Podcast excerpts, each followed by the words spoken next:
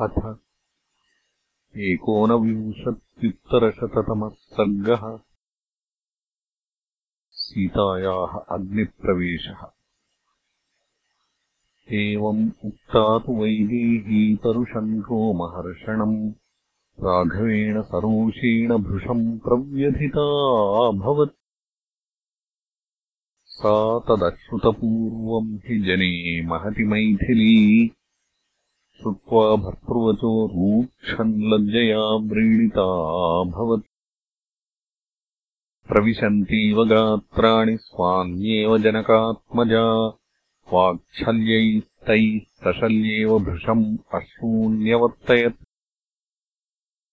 ततो बाष्पपरिक्लिष्टम् प्रमाद्यन्ती स्वमाननम् शनैर्गद्गदया वाचा भर्तारम् इदमब्रवीत् किम् माम् असदृशम् वाक्यम् ईदृशम् श्रोत्रदारुणम् रूक्षम् श्रावयसे वीर प्राकृतः प्राकृतामिव। न तथास्मि महाबाहो यथा त्वम् अवगच्छसि। प्रत्ययम् गच्छ मे येन चारित्रेणैव ते शपे।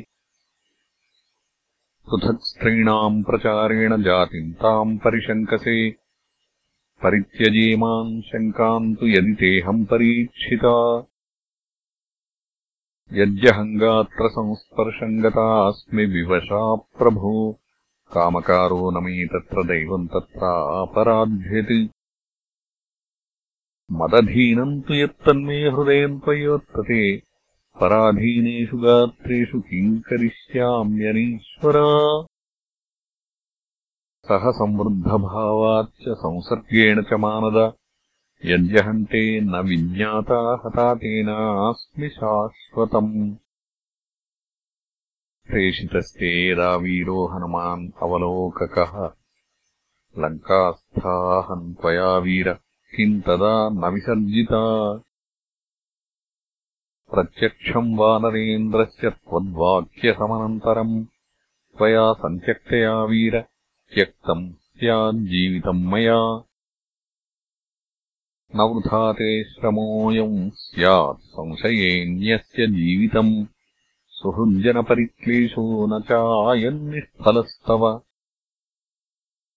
त्वया तु नरशार्दूल क्रोधमेवानुवर्तता। लघुनेव मनुष्येण स्त्रीत्वमेव पुरस्कृतम् अपदेशेन जनकात् नोत्पत्तिर्वसुधातलात् मम वृत्तम् च वृत्तज्ञ बहुतेन पुरस्कृतम्। न प्रमाणे कृतः पाणिः बाल्ये बालेन पीडितः मम भक्तिश्च शीलम् च सर्वम् ते पृष्ठतः कृतम्। एवम् ब्रुवाणा रुदती बाष्पगद्गदभाषिणी अब्रवील्लक्ष्मणम् सीता दीनम् ध्यानपरम् स्थितम्। स्थिताम् मे कुरु सौमित्रे व्यसनस्यास्य भेषजम्। मिथ्योपघातोपहता नाहम् जीवितुमुत्सहे। अप्रीतस्य गुणैर्भक्तुः त्यक्ताया जनसंसदि। या क्षमा मे गतिर्गन्तुम् प्रवेक्ष्ये अव्यवाहनम् एवम् उक्तस्तु वैदेह्या लक्ष्मणः परवीरः। अमर्षवशमापन्नो राघवाननमैक्षत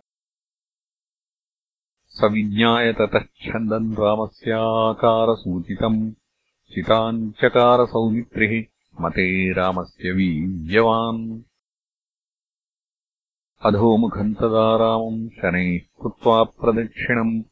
उपासप्तवैदेही दीप्यमानम् हुताशनम् प्रणम्य देवताभ्यश्च ब्राह्मणेभ्यश्च मैथिली। बद्धाञ्जलिपुटा चेदम् उवाचाग्निसमीपतः। यथा मे हृदयम् नित्यम् नापसत्पति राघवात् तथा लोकस्य साक्षी माम् सर्वतः पातु पावकः। यथा माम् शुद्धचारित्रान् दुष्टान् जानाति राघवः यथा लोकस्य साक्षी माम् सर्वतः पातु पावकः। कर्मणा मनसा वाचा यथा नातिचराम्यहम्। राघवम् सर्वधर्मज्ञम् तथा माम् पातु पावकः। आदित्यो भगवान् वायुः दिशश्चन्द्रस्तथैव च। अहश्चापि तथा सन्ध्ये रात्रिश्च पृथिवी तथा यथान्येऽपि विजानन्ति तथा चारित्रसंयुताम्। एवम् उक्त्वा तु वैदेही परिक्रम्य हुताशनम्। विवेशज्वलनम् दीप्तम् निःसङ्गेनान्तरात्मना। जनः स सुमहांस्त्रस्तो बालवृद्धसमाकुलः। ददर्शमैथिलीम् तत्र प्रविशन्तीम् ताशनम् सा तप्तनवहेमाभा तप्तकाञ्चनभूषणा पपातज्वलनम् दीप्तम् सर्वलोकस्य सन्निधौ। ददृशुस्ताम् महाभागाम् प्रविशन्तीम् हुताशनम् सीताम् कृत्स्नास्त्रयो लोकाः पुण्याम् आद्याहुतीमिव। प्रचुकृषुः स्त्रियः सर्वाः तान् दृष्ट्वाह व्यवाहने पतन्तीम् संस्कृताम् मन्त्रैः वसोर्धारामिवाध्वरे ददृशुस्तान् त्रयो लोका देवगन्धर्वदानवाः। शप्ताम् पतन्तीम् निरये हृदिवाद्देवतामिव तस्याम् अग्निम् विशन्त्याम् तु हा हेति विपुलः स्वनः। रक्षसाम् वानराणाम् च सम्बभूवाद्भुतोपमः इत्यार्षे श्रीमद्रामायणे वाल्मीकीये आदिकाव्ये युद्धकाण्डे एकोनविंशत्युत्तरशततमः सर्गः